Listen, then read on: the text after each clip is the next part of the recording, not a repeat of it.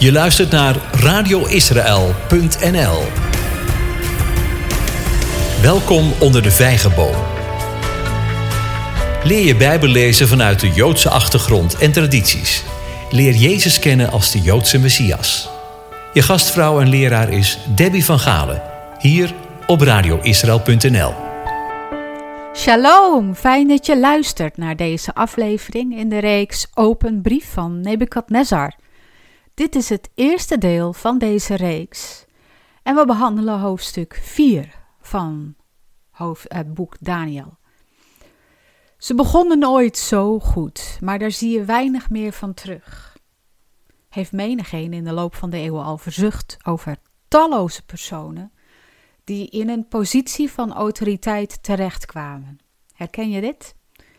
Ook in zogezegd christelijk Nederland hebben we bekende predikanten, leiders, stromingen en organisaties gekend die ooit zo goed waren begonnen. Tussen aanhalingstekens. Maar de roem en eer stegen naar hun hoofd. Drang naar vriendschap met de wereld werd groter dan de drang naar vriendschap met onze Hemelse Vader. Als gevolg daarvan werd de sokkel waarop ze zich lieten plaatsen te hoog en begon te wankelen. Hun val was des te pijnlijker en des te schokkender voor de argeloze, goedgelovige buitenste cirkels. De meesten zijn er nooit meer van hersteld. Nog altijd loert dit gevaar en zien we dit proces voor onze ogen zich ontvouwen. De vraag die als een kurk altijd boven komt drijven is dan: wat leidde ertoe dat zij op dat ogenschijnlijk point of no return belanden? De meest recente uiting van hoogmoed is misschien wel wat er op de Eeuw Dag op 11 juni dit jaar plaatsvond. Enkele dagen daarna werd ik door iemand op een artikeltje hierover gewezen, dus ik kan niet zeggen dat ik het zelf heb gezien. Naar verluid werden ongeveer 15.000 jongeren geconfronteerd, al dan niet met hun instemming, dat weet ik niet, onder begeleiding van veel spektakel met een regenboogvlag op het podium als symbool voor erkenning en aanvaarding van de LHBTQI plussers. Wat voor letters uit het alfabet ze er nog meer eh, bij willen halen. Alles onder de noemer God is liefde. Ik weet niet hoe het met u zit. Ik voel de naschok nog steeds. Zelfs als je weet dat dit al zo'n tien jaar binnen die organisatie een issue is, je blijft toch hopen dat de keuze voor heiligheid en reinheid onbetwist blijft. Als ik om me heen kijk en keer op keer zie hoe mensen reageren op hun positie van autoriteit, dan kan ik maar één conclusie trekken. Er zijn maar heel erg weinig mensen die daarmee op een gezonde manier weten om te gaan. Dat wil zeggen, ten voordele van degene waarover zij zijn aangesteld. Macht corrumpeert in de regel. De uitzonderingen daarop zijn schaars. Jaren geleden kwam ik tot deze formulering. De mate van iemands ware autoriteit ik, wordt afgemeten aan de mate van iemands oprechte dienstbaarheid. Laat ik het nog een keer zeggen. De mate van iemands ware autoriteit wordt afgemeten aan de mate van iemands oprechte dienstbaarheid. Ik bedoel daarmee dat er twee vormen van autoriteit zijn.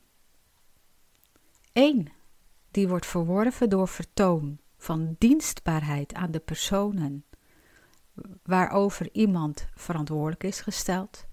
Hoe meer dienstbaarheid vanuit een oprecht hart, des te groter de vrijwillige onderwerping aan die persoon. Dat is ware autoriteit, die is blijvend. De andere vorm van autoriteit wordt afgedwongen, opgelegd, door middel van machtsvertoon en manipulatie, waarbij de ondergeschikten zich vanuit angst onderwerpen.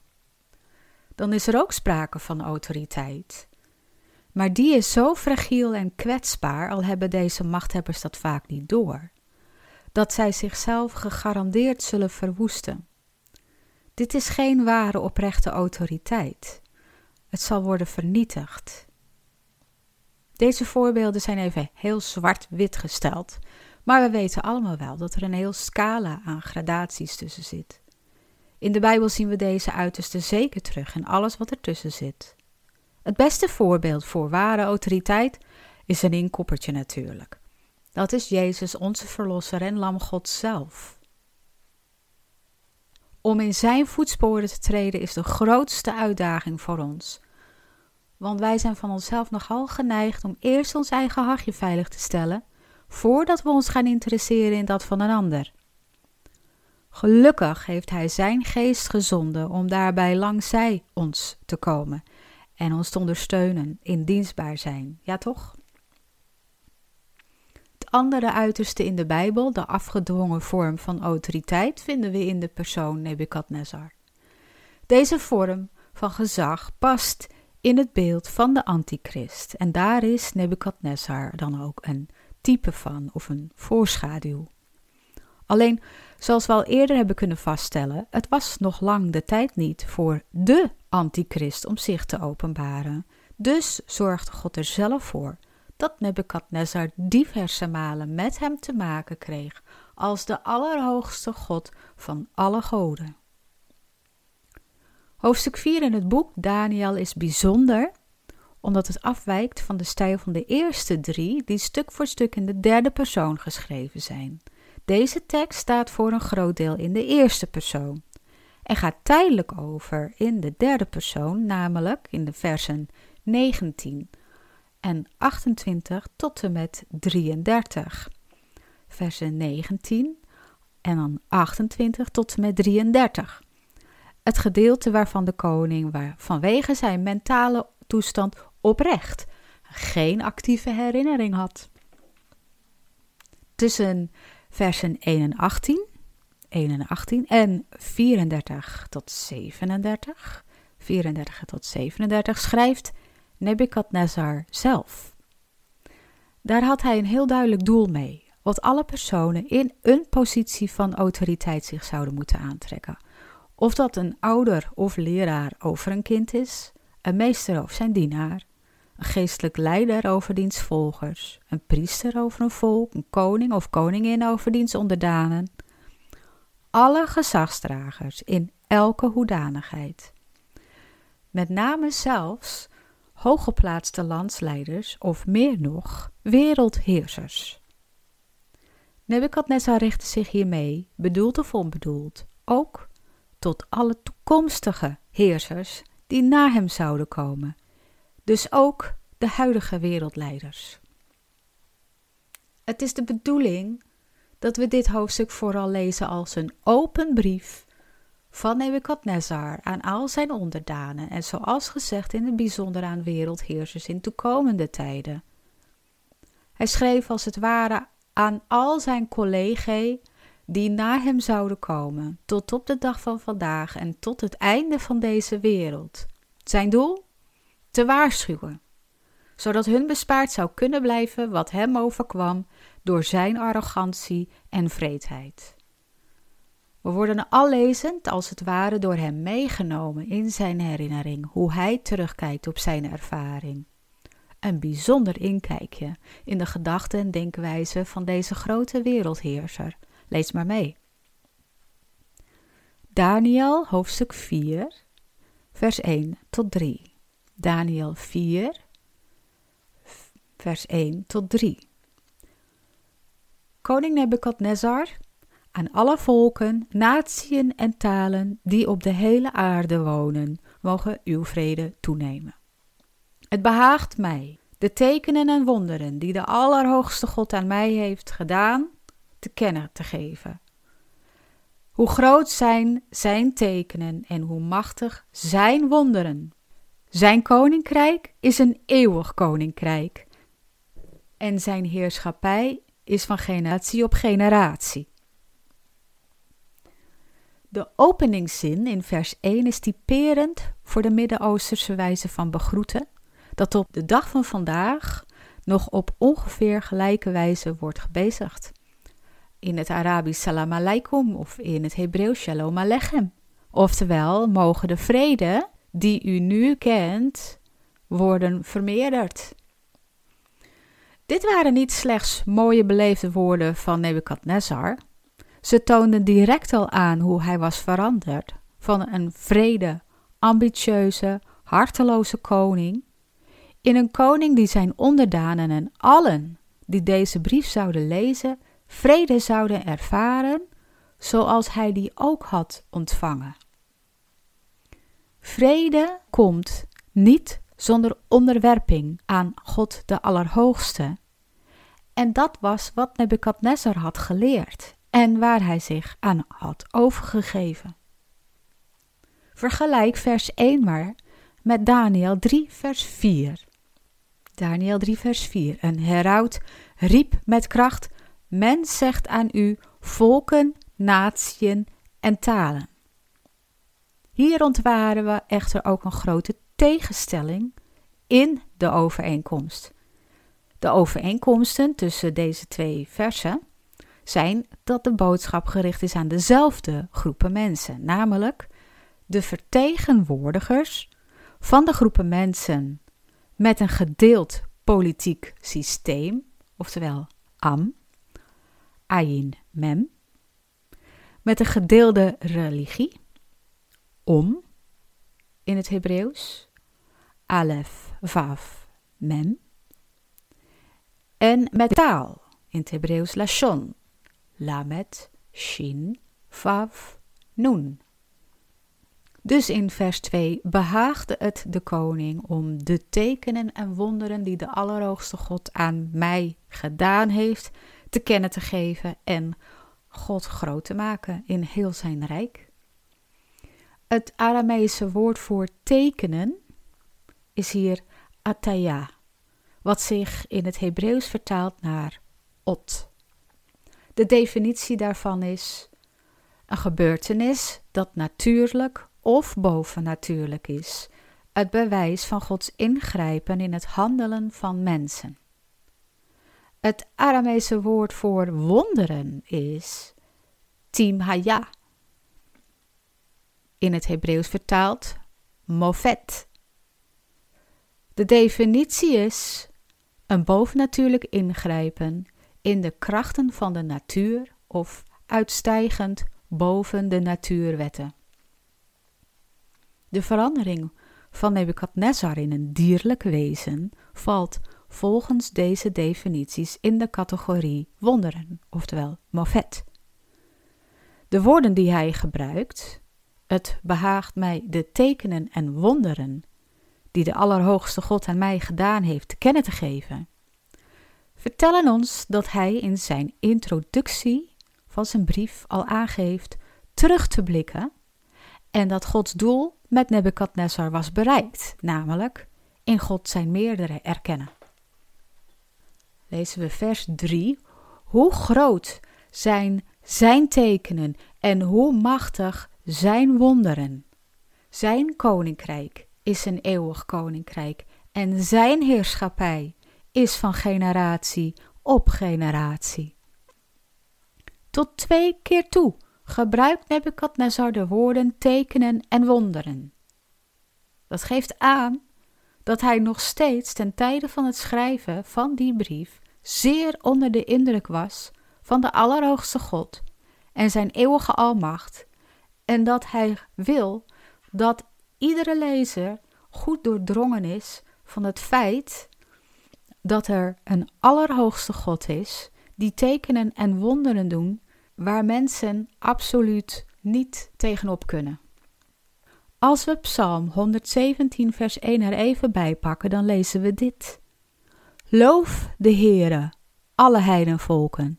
Prijs hem, alle natieën. En dat doet Nebukadnezar.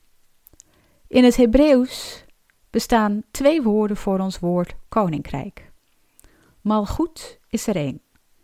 Dit impliceert een monarch, een koning, die regeert met instemming van zijn onderdanen. Shaltana van Shalton is een ander woord wat betekent heerschappij. Het omschrijft een koninkrijk dat geregeerd wordt door een koning die door machtsvertoon en onderdrukking heerst. Deze vorm van heerschappij in de handen van goddelozen leidt tot tirannie, vreedheid en groot lijden. Plutocratieën en oligarchieën vallen onder deze vorm van heerschappij, iets waar we vandaag de dag wereldwijd weer overduidelijk mee te maken hebben. Nebukadnezar gebruikte beide woorden hier echter in de goede zin des woords.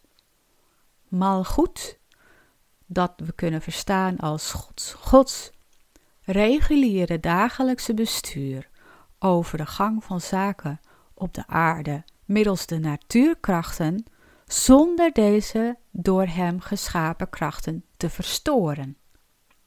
Shaltana kunnen we hier verstaan als Gods macht om de natuurkrachten te overroelen, er overheen te gaan, zodat wonderen kunnen worden toegestaan, alsof hij zijn hand even door het onzichtbare gordijn dat onze natuurlijke wereld van de eeuwigheid scheidt, heen steekt, iets aanraakt om naar zijn hand te zetten, zijn autoriteit laat gelden en zich vervolgens weer terugtrekt. Dit zijn tijdelijke ingrepen, ook al heeft het de potentie in zich om voor onbepaalde tijd te gelden, wat de toeschouwers verbaast, overdonderd zelfs en vol ontzag achterlaat. Om de delicate balans te bewaren, de vrije wil van mensen te verzekeren, was het goed in Gods ogen en in zijn onmetelijke wijsheid om de wereld zodanig te besturen dat hij zijn aanwezigheid verborgen houdt voor de ongeïnteresseerde toeschouwer. Dit is de ultieme ware autoriteit. Spreuken 27, vers 23 tot 27. Spreuken 27, vers 23 tot 27. Lees dat maar zelf. Omschrijft het advies aan personen in een positie van autoriteit, ongeacht de mate ervan. Of je nou een nederig baantje hebt, of de hoogste rang in het land bekleedt. Zo ziet ware autoriteit eruit en de vrucht ervan. Voor het grootste deel van zijn leven voldeed koning Nebukadnezar hier niet aan. Pas nadat alles was gebeurd zoals hem was voorzegd in de droom, de droom die hij beschrijft in hoofdstuk 4, viel het kwartje pas. Hoogstwaarschijnlijk was dit tevens op het einde van zijn leven, want het volgende hoofdstuk beschrijft het einde van het Babylonisch Rijk vanwege dezelfde arrogantie en vreedheid waaraan Belshazzar hardnekkig volhield. Nebukadnezar is de geschiedenisboeken ingegaan als een vrede tiran. Het heeft zijn reputatie in de herinnering van de mensheid niet kunnen redden. Echter, wat wij uit de schrift kunnen opmaken, is dat zijn naam waarschijnlijk wel opgetekend staat in het boek des levens. Zowel in vers 2 als 3, vers 2 en 3, neemt hij de woorden, tekenen en wonderen in de mond, wat ons vertelt dat hij diep onder de indruk is gekomen van Gods almacht. Dit bekeringsverhaal heeft sterke overeenkomsten met een ander bekeringsverhaal van een heidense koning, namelijk de koning van Nineveh. Lees Jona hoofdstuk 3. Jona hoofdstuk 3 maar eens en leg het naast Daniel 4. Wij gaan door naar vers 4 van Daniel 4. Ik, Nebukadnezar, leefde zorgeloos in mijn huis en in welstand in mijn paleis. Nu begint zijn verhaal echt en dit is zijn introductiezin. Zo was de situatie. Living the good life, minding my own business. Het goede leven levende op persoonlijk vlak, vredig en kalm, terwijl hij de wind in zijn koninkrijk er goed onder had. Politiek gezien trad hij krachtdadig op en hij was de onbetwiste wereldleider. Dat leidde ertoe dat hij overmoedig werd en in overdadige wilde leven. Wellicht heb je wel eens gehoord van de hangende tuinen van Babylonië of de imposante, blauwe, gedecoreerde poorten van Babel. De koning weet dat aan zijn eigen genialiteit en vaardigheden en prees zichzelf daarvoor. Precies waarvoor Spreuken 27 vers 2 voor waarschuwt. Laat een vreemde u prijzen en niet uw eigen mond, een onbekende en niet uw eigen lippen. Nogmaals, dat is Spreuken 27, vers 2. Want al wie hooghartig is, is voor de Heere een gruwel. Hand op hand, hij zal niet voor onschuldig gehouden worden. En trots komt voor de ondergang en hoogmoed komt voor de val.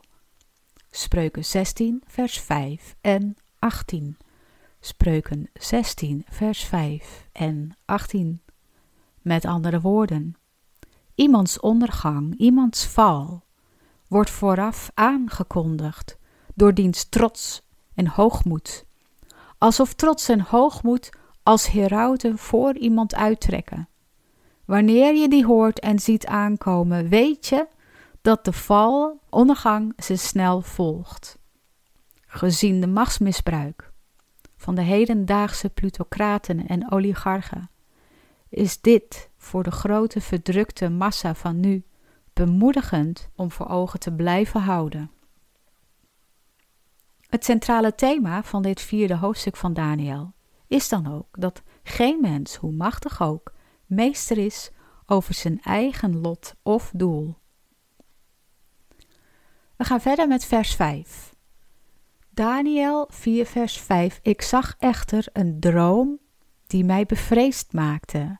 En de gedachten die ik op mijn bed kreeg en de visioenen die mij voor ogen kwamen, verschrikten mij.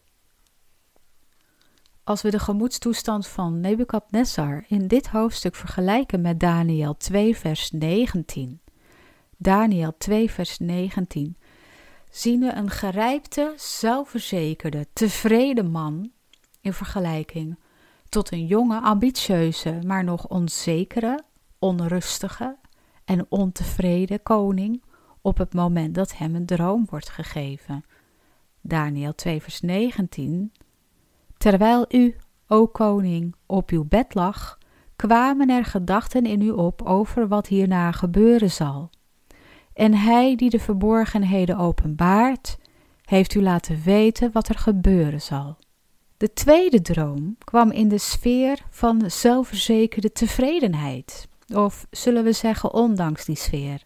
Hoe vaak komt het niet voor dat iemand van binnen onrustig is en onzeker, wat in diens dromen tot uitdrukking komt? Dat was hier niet het geval. Alles was bij zijn vree. Nadat hij wakker werd uh, uit de droom, kwamen de beelden ervan bij volle bewustzijn weer helder terug vertelt de tekst ons. De angst als gevolg van de droom verdween niet toen hij wakker was geworden, wat vaak wel het geval is na een nachtmerrie. Al met al was dit genoeg voor Nebukadnezar om de droom op te vatten als een boodschap uit het Godenrijk. We lezen vers 6, Daniel 4, vers 6. Daarom werd door mij bevel gegeven al de wijzen van Babel bij mij te brengen, opdat zij mij de uitleg van de droom zouden laten weten. Vergelijk dit met Daniel 2, vers 5. Daniel 2, vers 5. De koning antwoordde en zei tegen de Galdeeën: De zaak staat, wat mij betreft, vast. Als u mij de droom en de uitleg ervan niet laat weten, zult u in stukken worden gehouden en zullen uw huizen tot een mesthoop worden gemaakt. Koning Nebukadnezar had geleerd van zijn eerdere droom en was milder geworden op zijn oude dag. Nu vroeg hij slechts om de uitleg. Wellicht dat hij vond dat al de wijzen van Babel die taak dan ook zonder Daniel, het hoofd van alle wijzen, moest kunnen volbrengen. Al de wijzen vertegenwoordigden de lagere goden. Nebukadnezar wilde mogelijk weten uit welke hoek, van welke god, deze droom dan wel boodschap kwam. Die van de lagere goden, of van de Allerhoogste God die door Daniel werd vertegenwoordigd. Wellicht dat hij Daniel daarom als troefkaart achter de hand wilde houden en hem later liet komen. Het kan ook andersom geredeneerd het geval zijn. Daniel was vertraagd, vertelt de tekst ons, waarschijnlijk zonder opzet van zijn kant, maar veroorzaakt door God zelf. Zodoende konden de andere wijzen zich niet afhankelijk van Daniel opstellen en daarna met de eer strijken in naam van hun goden voor het geven van de juiste uitleg. Bovendien, belangrijker nog, kon Nebukadnezar niet ontkennen dat de boodschap van de God van Daniel kwam en niet van een lagere God die hij niet zo serieus hoefde te nemen. God zorgde er zodoende zelf voor dat de boodschap met de kracht zoals hij dat wilde zou aankomen bij Nebukadnezar. Wat het ook is en hoe het ook zij, al de wijzen van Babel present, maar hun hoofd in eerste instantie afwezig, zegt ons hun hoofd, dat is dus Daniel, zegt ons dat Daniel een uitzonderingspositie bekleedde en daarom niet aanwezig was bij deze bijeenkomst. We gaan naar vers 7, Daniel 4, vers 7. Toen traden de magiërs, de bezweerders, de Galdeën en de toekomstvoorspellers binnen. En ik vertelde de droom in hun tegenwoordigheid, maar zij konden mij de uitleg ervan niet laten weten. Het was dit keer voldoende voor Nebukadnezar om te horen van de wijze dat zij geen uitleg konden geven. Hij concludeerde daaruit dat de boodschap niet kwam uit de gewesten van de lagere goden en dus van hogeraf moest zijn gekomen. gaan we naar vers 8. Totdat tenslotte Daniel, zijn naam is Belteshazzar, naar de naam van mijn God, bij mij binnentrad, in wie ook de geest van de heilige goden is. Ik vertelde in tegenwoordigheid van hem de droom. In het Aramees wordt voor geest der heilige goden Ruach Elohim Kdoshin gebruikt. Met Of eigenlijk Yud Nun op het eind. Voor Elohim en Kadoshin. In het Hebreeuws zou dat als volgt klinken. Ruach Elohim Kadoshim met Yud Mem. Waardoor we direct een hint krijgen van de zwaarte van deze woorden. Alhoewel Nebukadnezar in termen van goden, godenrijk, rechtsmachten en etc. dacht, vertelt de auteur van dit boek ons hoe Daniel dit als Jood interpreteerde. Er is maar één geest van God die heilig is en die in het Hebreeuws met Elohim wordt aangeduid.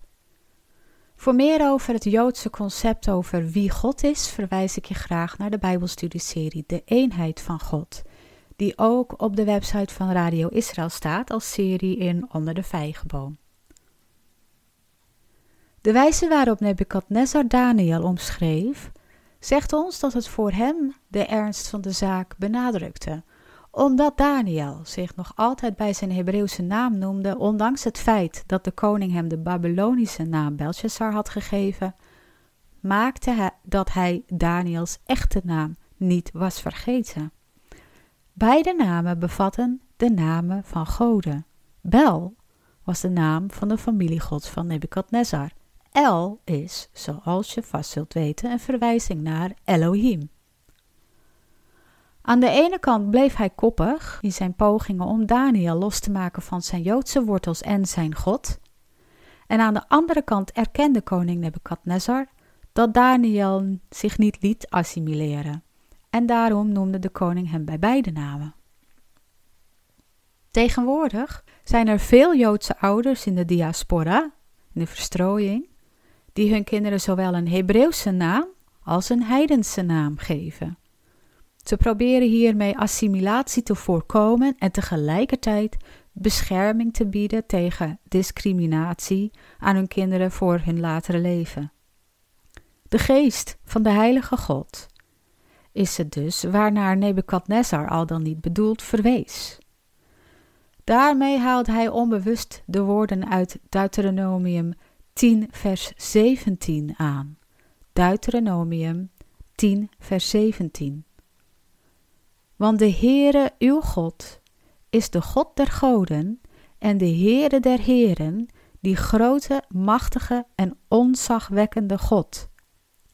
Dit zal voor Daniel bekend in de oren hebben geklonken. Meer nog, het zal als aanmoediging voor hem hebben gediend. Door naar vers 9, Daniel 4, vers 9. Belshazzar, Daniel dus, hoofd van de magiërs, aangezien ik weet dat de geest van de heilige goden in u is en dat geen enkele verborgenheid voor u te moeilijk is, vertel mij de visioenen van mijn droom die ik gezien heb, te weten de uitleg ervan. Hmm, na Daniels uitleg van de droom over de wereldrijken in Daniel 2, vers 48. Daniel 2, vers 48 was hij aangesteld tot hoofd van magiërs, waaronder de Galdeeën. De overeenkomst tussen hem en Jozefs aanstelling tot onderkoning in Egypte zal u ook niet zijn ontgaan. Hoe mooi resoneren dan de woorden van Job in het oudste Bijbelboek. En hoe waar zijn zij gebleken? In Job 36, vers 7.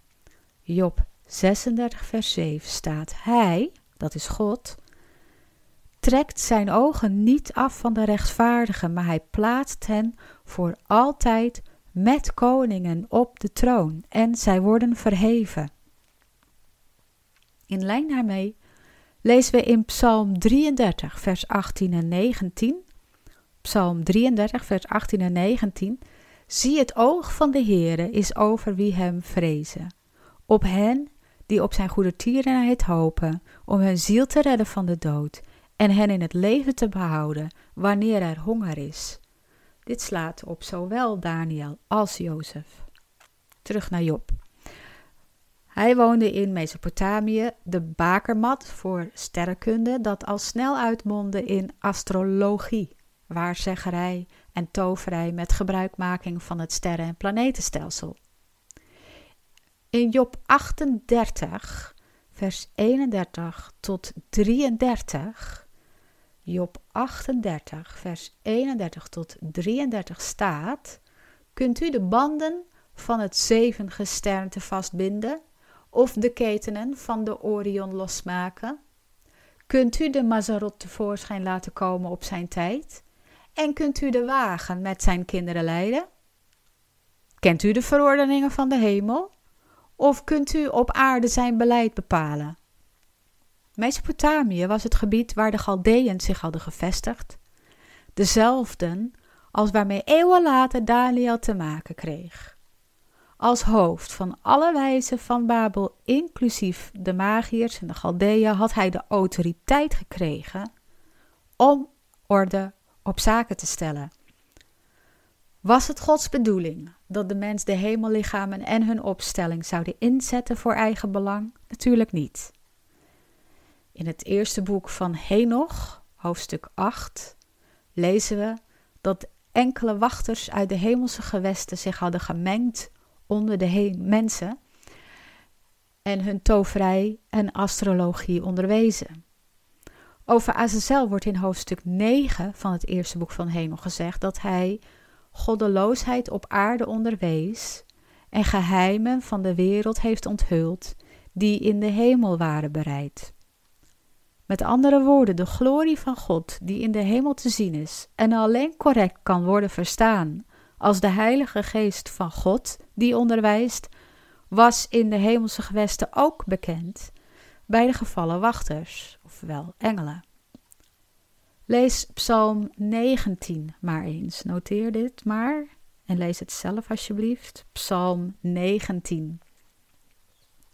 Toen zij zich met de mensen gingen vermengen, hebben zij ook deze wijsheid doorgegeven aan de mens in gecorrumpeerde vorm, waardoor het beperkt bleef in wijsheid.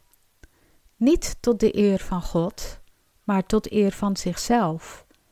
En dus konden de openbaringen door Gods geest niet worden verstaan, gehoord. En toen kwam Daniel, in wie de geest van de heilige God van Israël was. Feitelijk was de cirkel dus ook weer rond. Want wie kwam oorspronkelijk uit die regio vandaan? Juist Abraham. Dit kun je lezen in Genesis 11, vers 31. Genesis 11, vers 31. Mag je zelf lezen. Matthäus 2, vers 1 en 2 en 9 tot 12. Matthäus 2, vers 1 en 2 en dan vers 9 tot 12.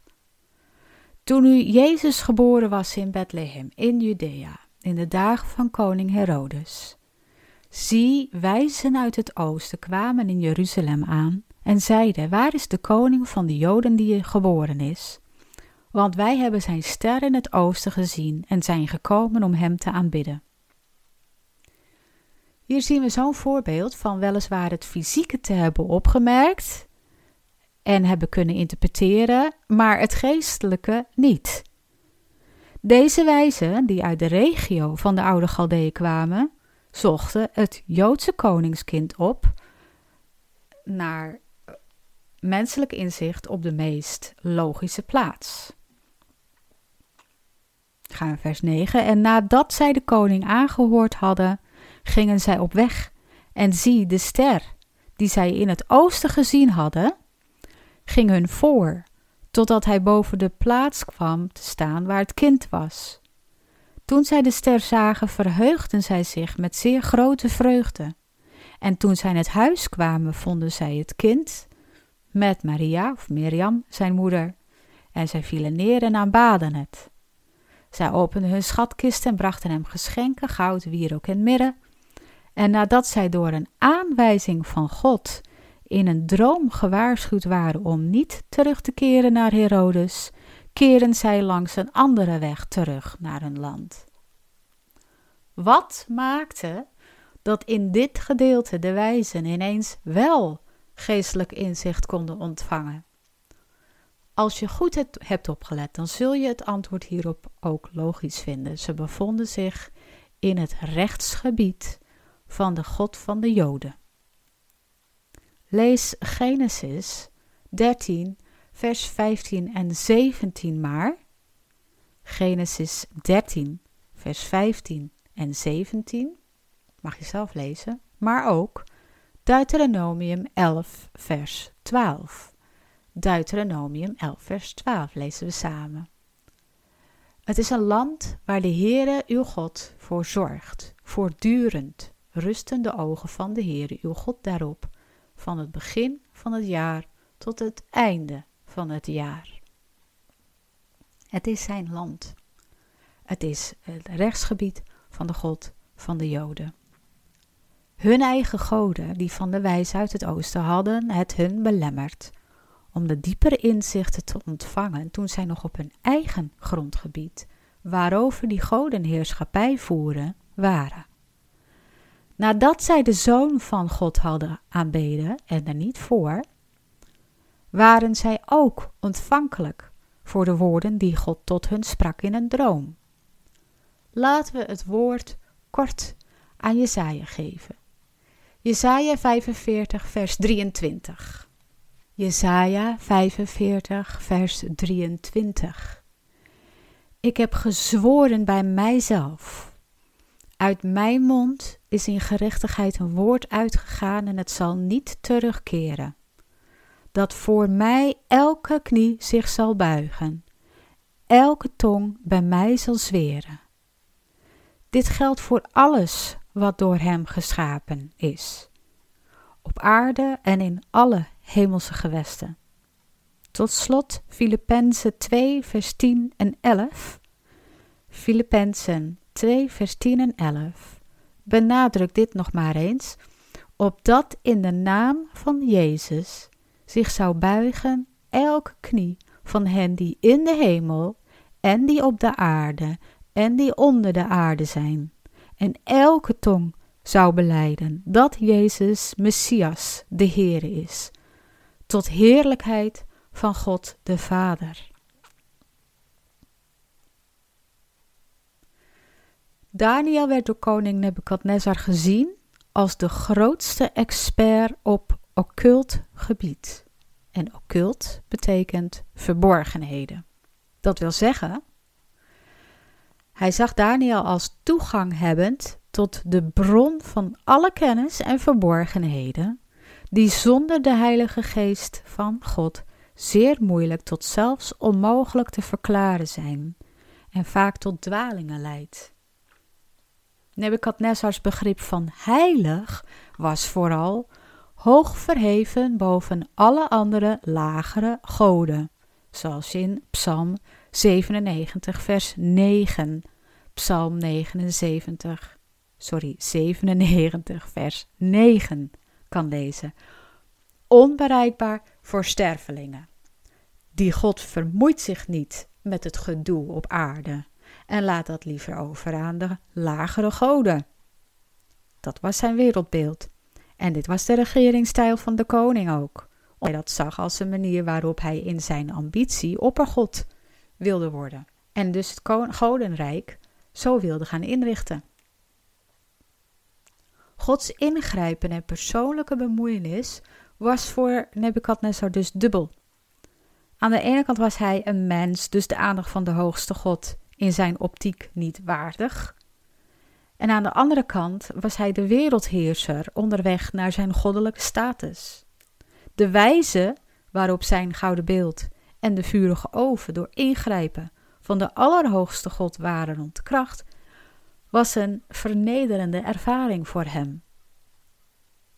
Aan het eind van zijn leven erkent Nebukadnezar dus, aan het einde van zijn regeringsperiode, dat niet hij de oppergod is of ooit zal worden, maar dat de God van Daniel en zijn vrienden de Allerhoogste God is, die zich ook aan hem als zodanig heeft bekendgemaakt.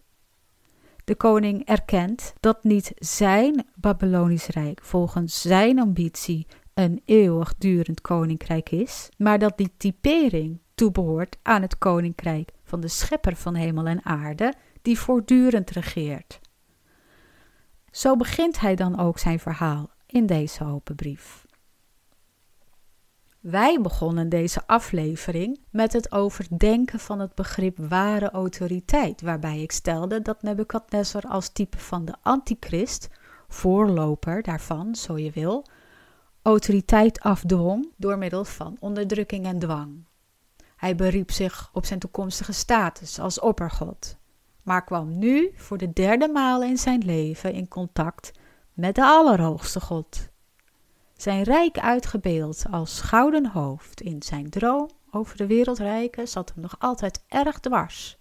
De erkenning dat die niet was ontstaan door zijn eigen genialiteit, maar gegeven door de Allerhoogste God, kwam daarom ook niet zonder eerst de grootste vernedering die een mens kan ondergaan. Daniel moest de koning dit gaan uitleggen, wat hem zwaar viel. En hier valt voor ons een belangrijke les uit te halen. Wij zien bij hem namelijk dezelfde houding als bij David in 2 Samuel 1 vers 4. 2 Samuel 1 vers 4, waarin hij het nepnieuws ontvangt van een jonge Amalekiet die beweerde Saul op diens verzoek te hebben gedood. Davids reactie was: Wat? Bent u niet bevreesd geweest uw hand uit te strekken om de gezalfde van de Heere om te brengen? En hij liet de jonge man ombrengen om die reden. Alhoewel Daniel heel goed wist dat Nebukadnezar niet als gezalfde van de Heere kon worden omschreven, was hij ervan doordrongen dat iedere positie van autoriteit God gegeven is en daarom op passende wijze moet worden gerespecteerd. Dit is de crux van dit hoofdstuk, wat we in de volgende afleveringen grondig gaan bestuderen samen. Ik wil deze uitzending graag afsluiten met de woorden uit Psalm 97, vers 9, wat ik al eerder heb genoemd. Psalm 97, vers 9. Want u, Heere, bent de Allerhoogste over de hele aarde. U bent zeer hoog verheven boven alle goden. En verder Psalm 115, vers 1. 115, vers 1. Niet ons, Heere, niet ons, maar geef uw naam eer, om uw goedertierenheid, om uw trouw. Je luisterde naar Onder de Vijgenboom, het Bijbelstudieprogramma van radioisrael.nl. Mijn naam is Debbie van Galen. Wilt u reageren op deze of eerdere uitzendingen? U kunt uw reactie mailen naar reactie.radioisrael.nl en ik zal u zo spoedig mogelijk antwoorden. Als u mij wil uitnodigen voor een spreekbeurt, bijbelstudie of seminar, kunt u uw verzoek mailen naar info@onderdevijgenboom.nl of info@radioisrael.nl. Overigens kunt u ook op het nieuwe YouTube-kanaal Onder de Vijgenboom de meest recente spreekbeurten bekijken. Rest mij nog u van harte God zegen en vrede toe te wensen en lied rood.